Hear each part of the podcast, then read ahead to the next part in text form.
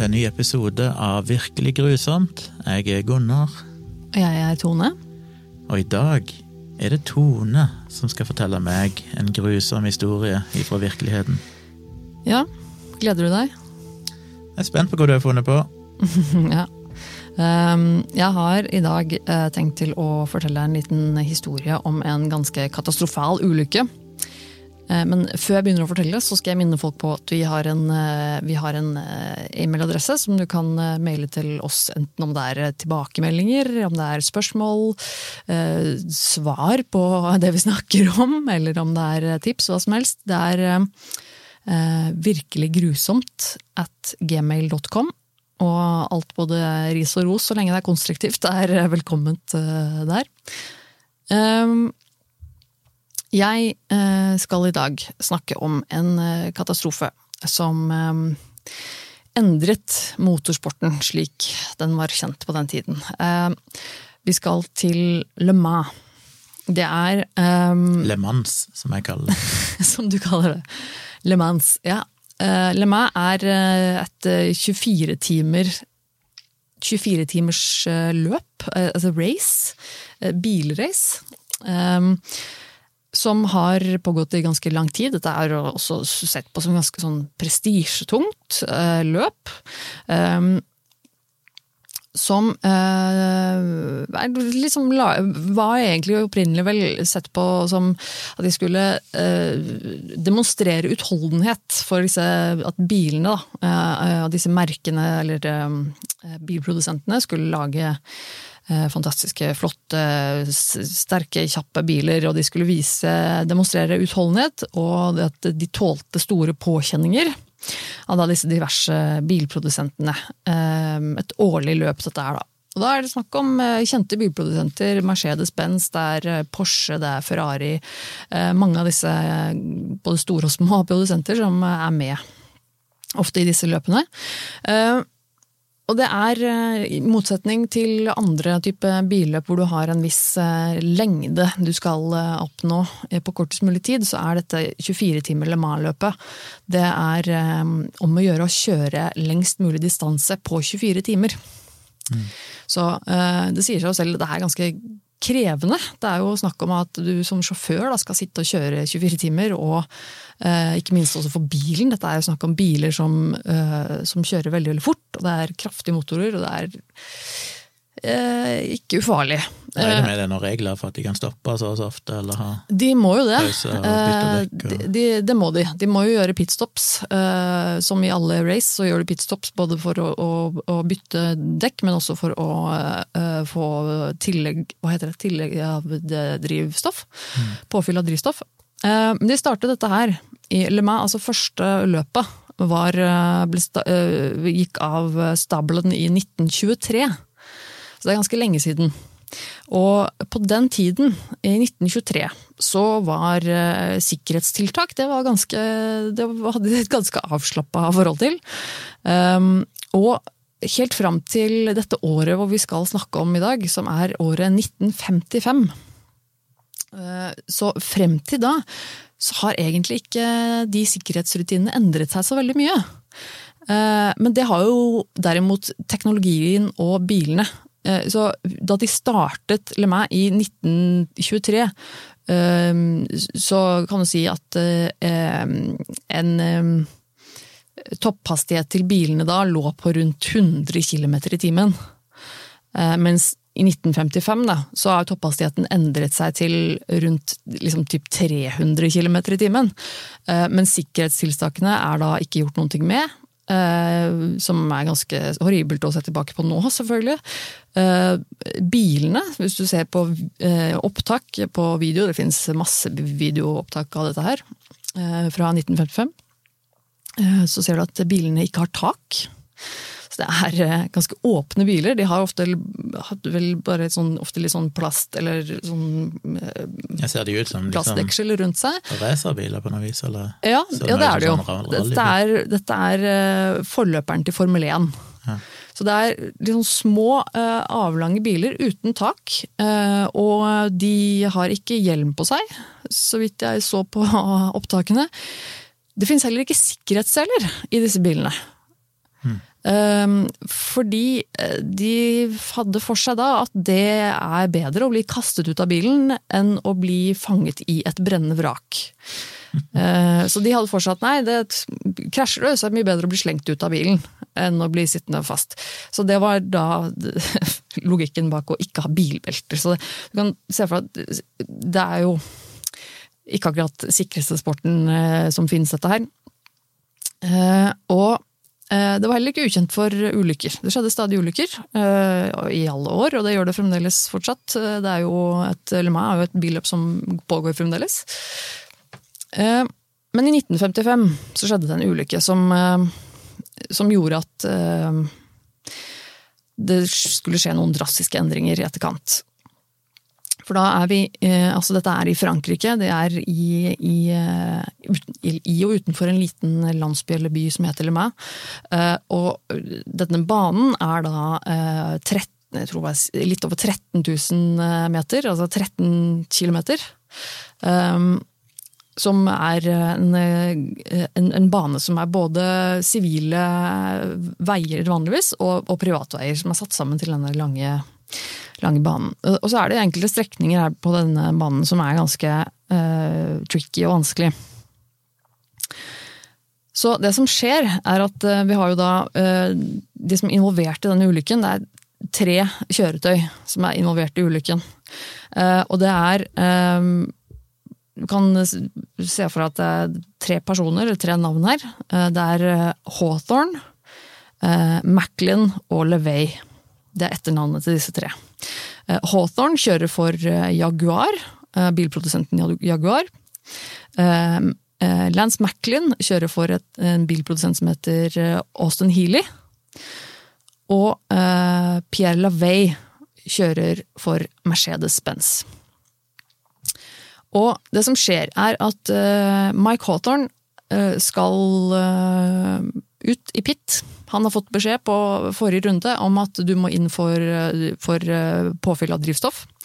Så han Dette her går jo veldig, veldig fort, men han kjører og gir et kjapt signal om at han skal ut til høyre. Og bremser ned. Idet han gjør dette, så kommer da um, um, Lance Macklin i sin Austin Healy, han kjører rett bak. Og um, Hawthorne bremser ganske kjapt. Han er utstyrt i en Jaguar som har ganske, ganske, god teknologi på bremser, så han har veldig kraftige bremser. Så dette skjer ganske fort. Så han, han eh, bremser og svinger ut til høyre, og for at da eh, Lance Macklin i sin Austin Haley ikke skal krasje rett inn i han, så svinger han ganske brått ut til venstre for å kjøre og svinge rundt og videre. Eh, og akkurat idet han gjør det, så kommer Pierre Lavey i sin Mercedes-Benz i en voldsom fart bak han eh, på venstre. Så, han, så det Macklin gjør, er at han kjører da, svinger unna eh, Hawthorne ut i kjørebanen til, eh, til Pierre. Levey. Eh, og det har jo katastrofale følger.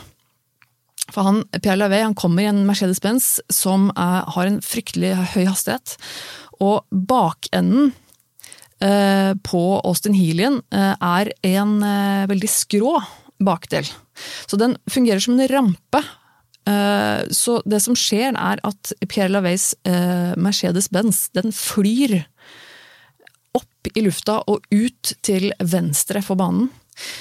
Eh, I en forferdelig fart. Jeg tror jeg leste at det var i noe sånt som 250 km i timen. eller noe sånt. I hvert fall helt utrolige hastigheter. Og det som skjer, er at bilen flyr ut til venstre. Den treffer toppen av en lav jordvoll, som er eh, det eneste da, som, er, som, faktisk skiller tilskuerne og, og fra banen. Eh, det er en jordvoll, og så er det et lite gjerde, og så bak der er det masse folk, og det er en tribune. Så bilen blir slengt ut og treffer denne jordvollen, eh, hvor den da også blir eh, kastet videre i en koldbøtte. Uh, I deler Uh, og bilen går selvfølgelig i holdt jeg på å si, tusen knas og spres videre og utover mot publikum. Uh, hvor da bildeler blir eh, eh treffer publikum.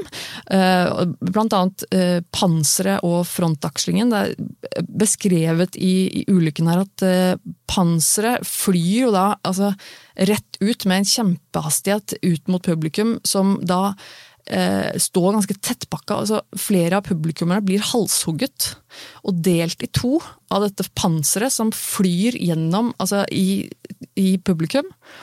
Jeg tror jeg, eh, Når du sier det nå, så tror jeg jeg har sett klipp og sånn den, eller bilder fra den eh, hendelsen. Ja, det fins opptak. Det var folk som filmet dette her, så det ja. fins eh, opptak. Ikke, ikke, så veldig detaljert. Det er jo på 50, 1955, så det er jo ikke så fryktelig høy teknologi på, på kameraopptak og sånn på den tiden, men, men det fins opptak av det. Det, ser, det er ganske spektakulært, altså. Uh, og um, så, og hele denne bilen den går jo i biter, som da blir spredt utover i, i publikum og dreper mange mennesker momentant.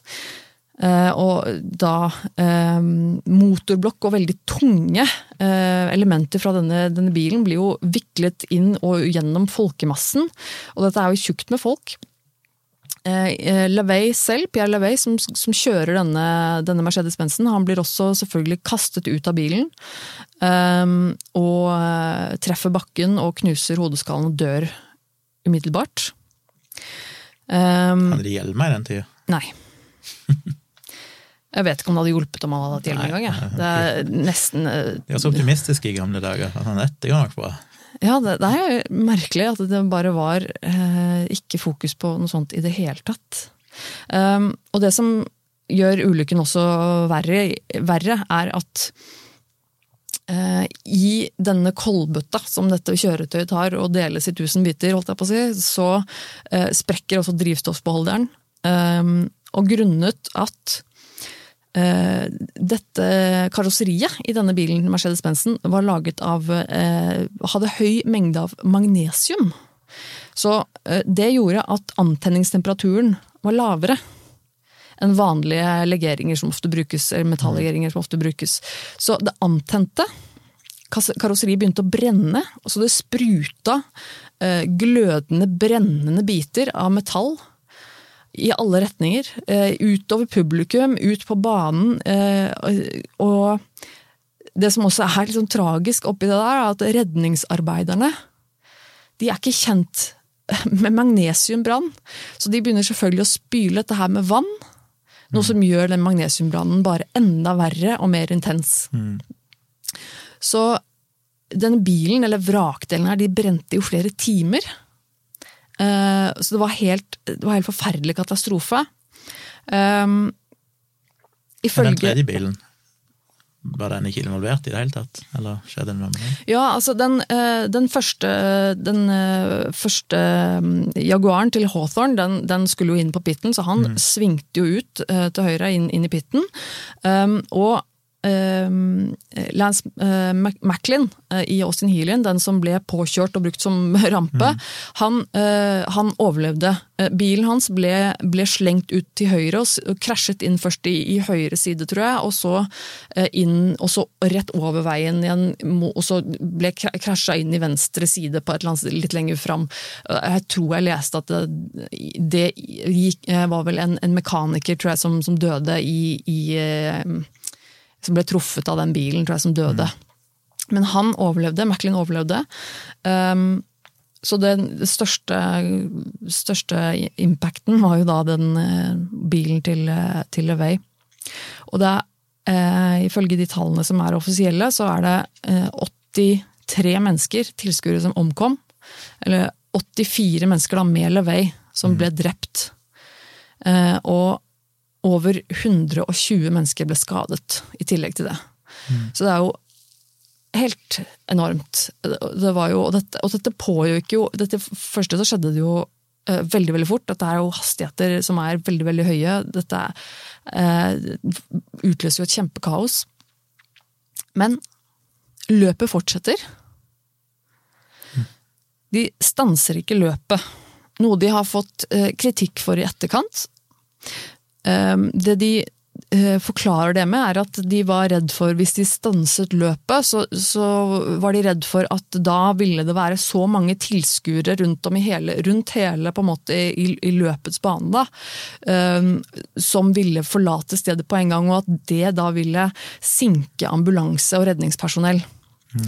Eh, Så, så de, de hadde da en tanke om at nei, vi skal ikke skape panikk, vi må, vi må la løpet gå videre. Um, så det er ganske sært da, å tenke på, men, men så, så løpet fortsatte jo videre dette, eh, og, og ble avsluttet på holdt jeg på å si, vanlig måte. hvor da Du kan se for deg at disse bilene som fortsetter i løpet, de må jo kjøre forbi dette katastrofestedet flere ganger på den runden før de, før de er ferdig med løpet. Så det er ganske, ganske utrolig, egentlig. Um, Mercedes-Benz, som da var um, firmaet da som, hvor, denne, um, hvor PLV kjørte for, som var han som døde, de hadde et hastemøte. Um, ikke så lenge etter den ulykken her skjedde, så hadde de, altså, mens løpet fortsatt pågår, så har de et hastemøte, og de bestemmer seg um, um, De bestemmer seg for å trekke seg fra løpet. I eh, respekt for de omkomne og pårørende her, så, så bestemte jeg at ok, eh, vi er et tysk selskap, vi er eh, i Frankrike, og det er ikke så lenge siden krigen, da skjedde en katastrofe. Jeg tror Vi er nok rykte som det er. ja, det er litt sånn Vi, vi, vi trekker inn håndklær nå. Nå er det liksom Nei, vi, vi trekker oss. Og det er på tross for at de da faktisk på det tidspunktet ledet hele løpet. Så de, de trakk seg. Eh, de uh, tilbød også Jaguar om de ville trekke seg sammen med dem, men det gjorde de ikke. Eh, Jaguar var også eh, de som eh, han Hawthorne, eh, som han som svingte inn til høyre. Eh, Det var også han som endte med å vinne eh, racet. Um, og det Så de, han bare fortsatte å kjøre, og kjørte jo da selvfølgelig forbi ulykkesstedet flere ganger på, på denne, dette racet, før han da til slutt vant eh, løpet. Og eh, var tydelig veldig veldig glad for det. Og franske aviser også trykte masse bilder av en feirende Jaguar-team som, eh, som hadde champagne, og han var veldig glad han, denne Hawthorne når han eh, vant, vant løpet. Eh, og franske aviser eh, var eh, skrev med forakt om dette Jaguar-teamet som hadde feiret så i all glede etter en sånn katastrofe. eh, Som jo er ganske usmakelig, vil jeg påstå. Så det Og det er jo ganske Så det var, det var ganske spesielt. Jeg tenker liksom, jeg ser for meg at han da må altså Egentlig alle de bilene som er igjen i løpet, da, det, det, de må jo få med seg det som skjer etter hvert. Det er jo på en måte eh, alle får jo ikke med seg med en gang. Selvfølgelig, Dette er, er jo på en måte det er på 50-tallet. De har jo ikke noen sånn måter å kommunisere rundt altså. Men det da å måtte kjøre på samme eh, bane da, rundt flere ganger etterpå, så ser jeg på en måte det kaoset der, som, hvor det er 84 mennesker da, som plutselig bare er blitt drept. Og det er jo et eh, kaos med flammer, og det er jo helt Ja. Så etter dette her, så så det hadde jo noen ettervirkninger i form av eh, eh, sikkerhetsstandarder. Ja, det, det det. Hva, ja, hva gjorde de da? For, det ble plutselig ganske tydelig at, at eh, det trengs å gjøres noe. Og selv om jeg syns også det likevel er ganske spesielt, da, fordi at um, Le Mans-racet har jo masse ulykker. eh, og før 1955 også så var det jo ulykker. Men det måtte tydeligvis en så stor katastrofe til da, for å faktisk eh, få dem til å innse at ok, vi må, vi må høyne sikkerhetsnivået her. Så eh, banedesign, eh, sikkerhetsstandard for banedesign ble, ble hevet, og det som eh, skjedde var at eh, baner må, må ombygges og oppgraderes. Som i mellomtiden eh, det, det som eh, ble bestemt i flere europeiske land, ble faktisk at motorsport ble midlertidig forbudt. Etter den ulykken. Eh, både altså, Tyskland, Frankrike, Sveits, eh, ja, flere land i Europa eh, bestemte at ferdig, forbudt. Er, nå stopper vi alt. Helt fram til vi har utbedret alle banene. Sørger for at det er høyere sikkerhet på banene våre. Så jeg tror, var, jeg tror jeg leste at det var de fleste de fleste landene åpna vel igjen for motorsport etter et års tid. Eh, Ca. et år, liksom, tok det da før de, de, fleste hadde på en måte klart å bygge ut banene sånn. da. Så var de åpnet, eh, åpnet for, eh, for, motorsport igjen. og da, Samme også på, på, denne banen eh, som de bruker i, i. Den også ble Alt ble revet av tribune og, og pitstop og alt. Ble revet og evna med jorden og, og flytta ut. Og det ble selvfølgelig mye bedre sikkerhetstiltak rundt med, med gjerder og sperrer og tribuner og alt der på lengre avstand. og mm. de, som det, det, skjer jo fortsatt ulykker i Formel 1 og andre løp også nå, men det er jo som regel da eh, stort sett eh, førerne selv eller, eh, eller, crew, altså de som jobber ja. i pit, eller noe som, som, tar skade da. Det er ganske sjelden nå at det skjer noe som går ut til publikum, heldigvis. Um, en annen morsom ting er jo Eller morsom. Uh, morsom og morsom. Men um, det er jo også uh, Han jeg leste at han eh, han Macklin, han som kjørte den, eh, den eh, Austin Healien, som ble brukt som rampe, han hadde jo egentlig ansett han Hawthorne for Jaguar, som vant, da, som en venn. Men etter å ha lest Hawthorns selvbiografi, så oppfattet Macklin at Hawthorne impliserte at ulykken var Macklins skyld. Um, det var litt sånn han tolket det. Uh, han ville i hvert fall ikke ta noe ansvar for den ulykken selv. Um, og saksøk, så, så Macklin saksøkte faktisk Hawthorne uh, for ærekrenkelse. På basert av det. Mm. Hvor lenge er det etter dette? her? Uh, fire år senere. Eller jeg vil si Saken var enda ikke avgjort da Hawthorne selv døde i en bilulykke i 1959. Ja. Um, som jeg, så vidt jeg så, var uh, han Hawthorne hadde da en uh, privatsetting, kjørt uh, race med en kompis, og så hadde det gått litt over styr, og han hadde krasja og dødd. Um, så han kan jo tyde på at han kanskje ikke var så ansvarlig eh, av seg.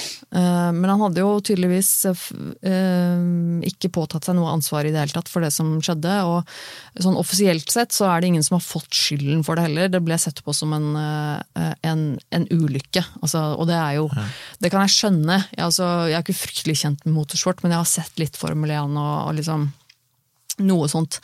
Det er jo det er jo så lite som skal til når det er snakk om så høye hastigheter. Det er snakk om ekstremt små, fine marginer på, på øh, åh, det er så det kan jeg skjønne, at det ikke nødvendigvis er noens skyld, men du kan jo alltid tenke at ok, men han skulle kanskje ha liksom gjort litt sånn eller litt sånn, kanskje han ikke skulle ha ikke Men det var vel, jeg kan være enig i det at det på en måte ikke var noens skyld, men det er ganske sånn Jeg syns jo det er ganske usmakelig oppførsel, da. Uh, og, og, da bare, En ting er jo at de ikke stoppa løpet, men det å, å liksom da feire når du vinner med champagne og være kjempeglad og liksom Det, det er ganske spesielt. Ja, det er en skummel sport generelt sett, men jeg, til og med i dag, når du ser på sånn rallyløp, syns jeg det er sjokkerende. For det er sånn kjøre på grusveier rundt forbi, og så står det publikum langs hele veien, bare sånn inn til veien. Mm. Av og til så skjer det jo ulykker der en rallybil kjører ut og bare måker ned noen mennesker. Men det er mm. sjokkerende for meg at ja, Først at noen tør. Jeg hadde jo aldri stått der sjøl. Det er det siste jeg hadde gjort. Men òg at det stort sett går bra, da. Men, men, ja, det virker crazy at det er lov. At ikke det er noen regler der som sier at du må ha gjerde eller må stå så langt unna, eller du bare kan stå enkelte plasser der det blir ansett som trygt. Ja. I hvert, fall, I hvert fall i den situasjonen, da, liksom 1955, og du ser det fins masse opptak av dette her eh, på, på, YouTube og rundt om, eh, hvor man kan se på en måte opptak fra, fra dette løpet. da.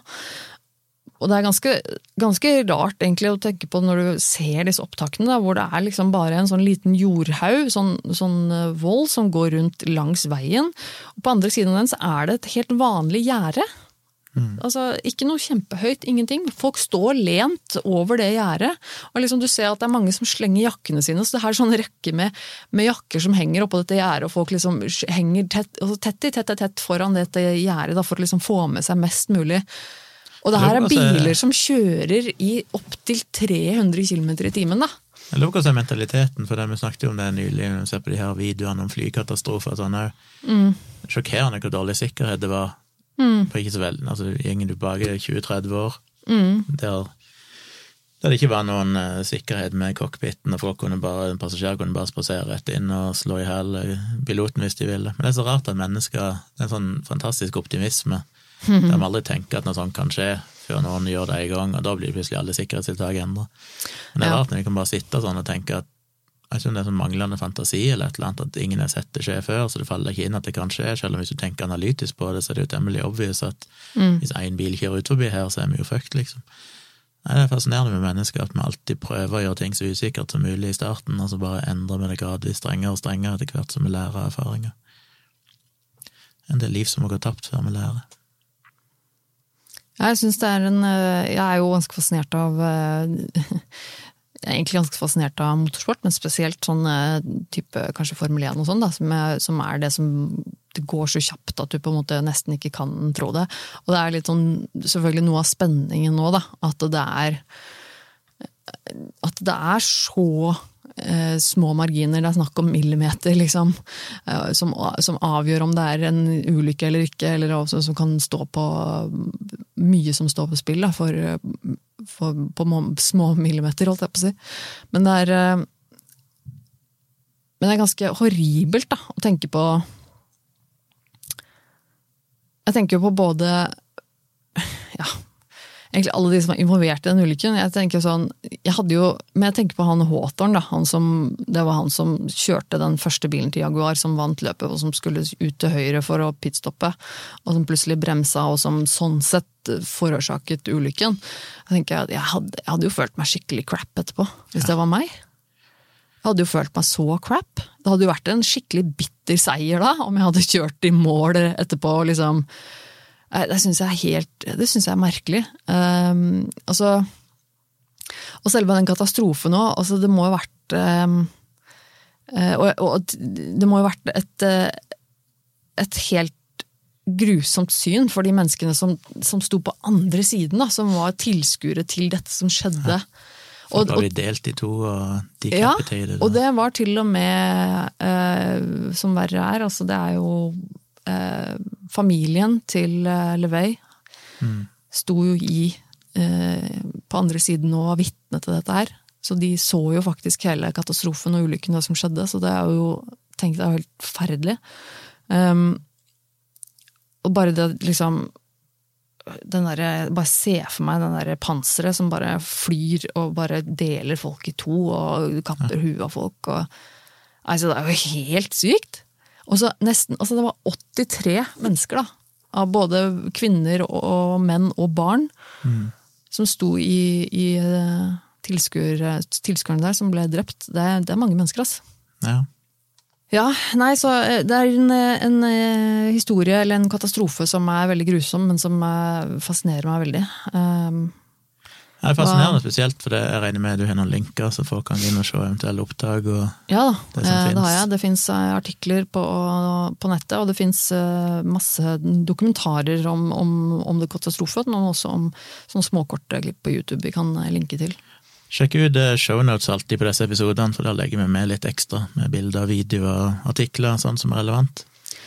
Og vi har jo en eh, grusomhetsskala Ja. Der eh, skalaen går fra én til eh, ti, hvor ti er det verste, én er eh. Så hva tenker du om denne, denne katastrofen som skjedde i 1955? Hvor grusomt på skalaen vil du si at den er? Jeg syns alltid det er vanskelig å rangere historier. For, for meg så er grusomhet ofte mindre når ting skjer ganske fort. ok. Vi jeg mener begge mine historier har alt litt at det er ting som dreier seg ut over tid. Og Mm. det er liksom en sånn Noen må ha hatt det jævlig lenge og visst at dette kommer til å ikke nødvendigvis gå bra. Så det at det er nesten 100 mennesker som dør, det er liksom Det er jo ikke Det er så lenge siden. Okay. Neida, det er temmelig grusomt, selvfølgelig, hvis en prøver å sette seg inn i hvordan det og vært å enten være i publikum eller være til stede og se det som skjedde. Um, men sånn, den følelsen det gir meg, så er jeg nok fortsatt uh, litt nede på en uh, Skuffa jeg deg nå? Ja, du har ikke sagt noe ennå? Høre, da. Jeg tror jeg føler på grusomhetsskalaen kanskje en sekser igjen. Det Jesus. Du er er eh, det- Det skal mer til for å, for å vekke følelser i deg enn i meg, i hvert fall. Ja, men det vet jo alle som kjenner dere. Ja, det er for så vidt sant, det. Det er jeg som kommer best ut av det, Men hvis dere- for forhold til de som hører på. Hvis dere er uenige, og det må dere gjerne være, så send dere gjerne en tweet eller en eh, mail eller et eller annet og si om dere er uenige, og hvor dere ville plassert disse historiene på grusomhetsskalaen etter hver episode. Jeg er spent på, Det er vanskelig å vite, det blir så subjektivt. Spesielt når jeg har satt meg inn i en historie, så virker kanskje den ekstra grusom for meg, fordi jeg ikke har sett bilder og detaljer. Mm. Men for folk som hører på, så vet jeg jo ikke om de får samme følelsen når de bare hører meg fortelle det. Mm. Så vær gjerne uenige. Kom med innspill. Ja, gjerne kom med tips til eh, grusomme, virkelige historier vi kan snakke om her i, i podkasten. Virkelig grusomt at gmail.com er det du kan sende tips til da. Husk å dele episoden, snakk til andre om podkasten Virkelig grusomt. Tips dem om at de må høre. Gå gjerne inn på iTunes og gi dere noen stjerner der, og en hyggelig kommentar. Det setter vi stor pris på. Neste Veldig. uke, Gunnar, da er det din tur igjen til å fortelle Ja. meg en uh, historie. Så jeg håper dere tuner inn og laster ned neste ukes episode også, når den kommer. Eh, Det nærmer seg jul, så vi skal se om vi klarer å finne et eller annet juletema. Det er ikke Ja. sikkert, det er ikke nødvendigvis noe, men hvis vi klarer det, så skal vi finne en grusom julehistorie. Ja, hvis vi finner noe som er grusomt nok. så vi Men, høres eh, igjen da, om en uke. Ja, takk for at dere hørte på. Vi er tilbake igjen neste mandag.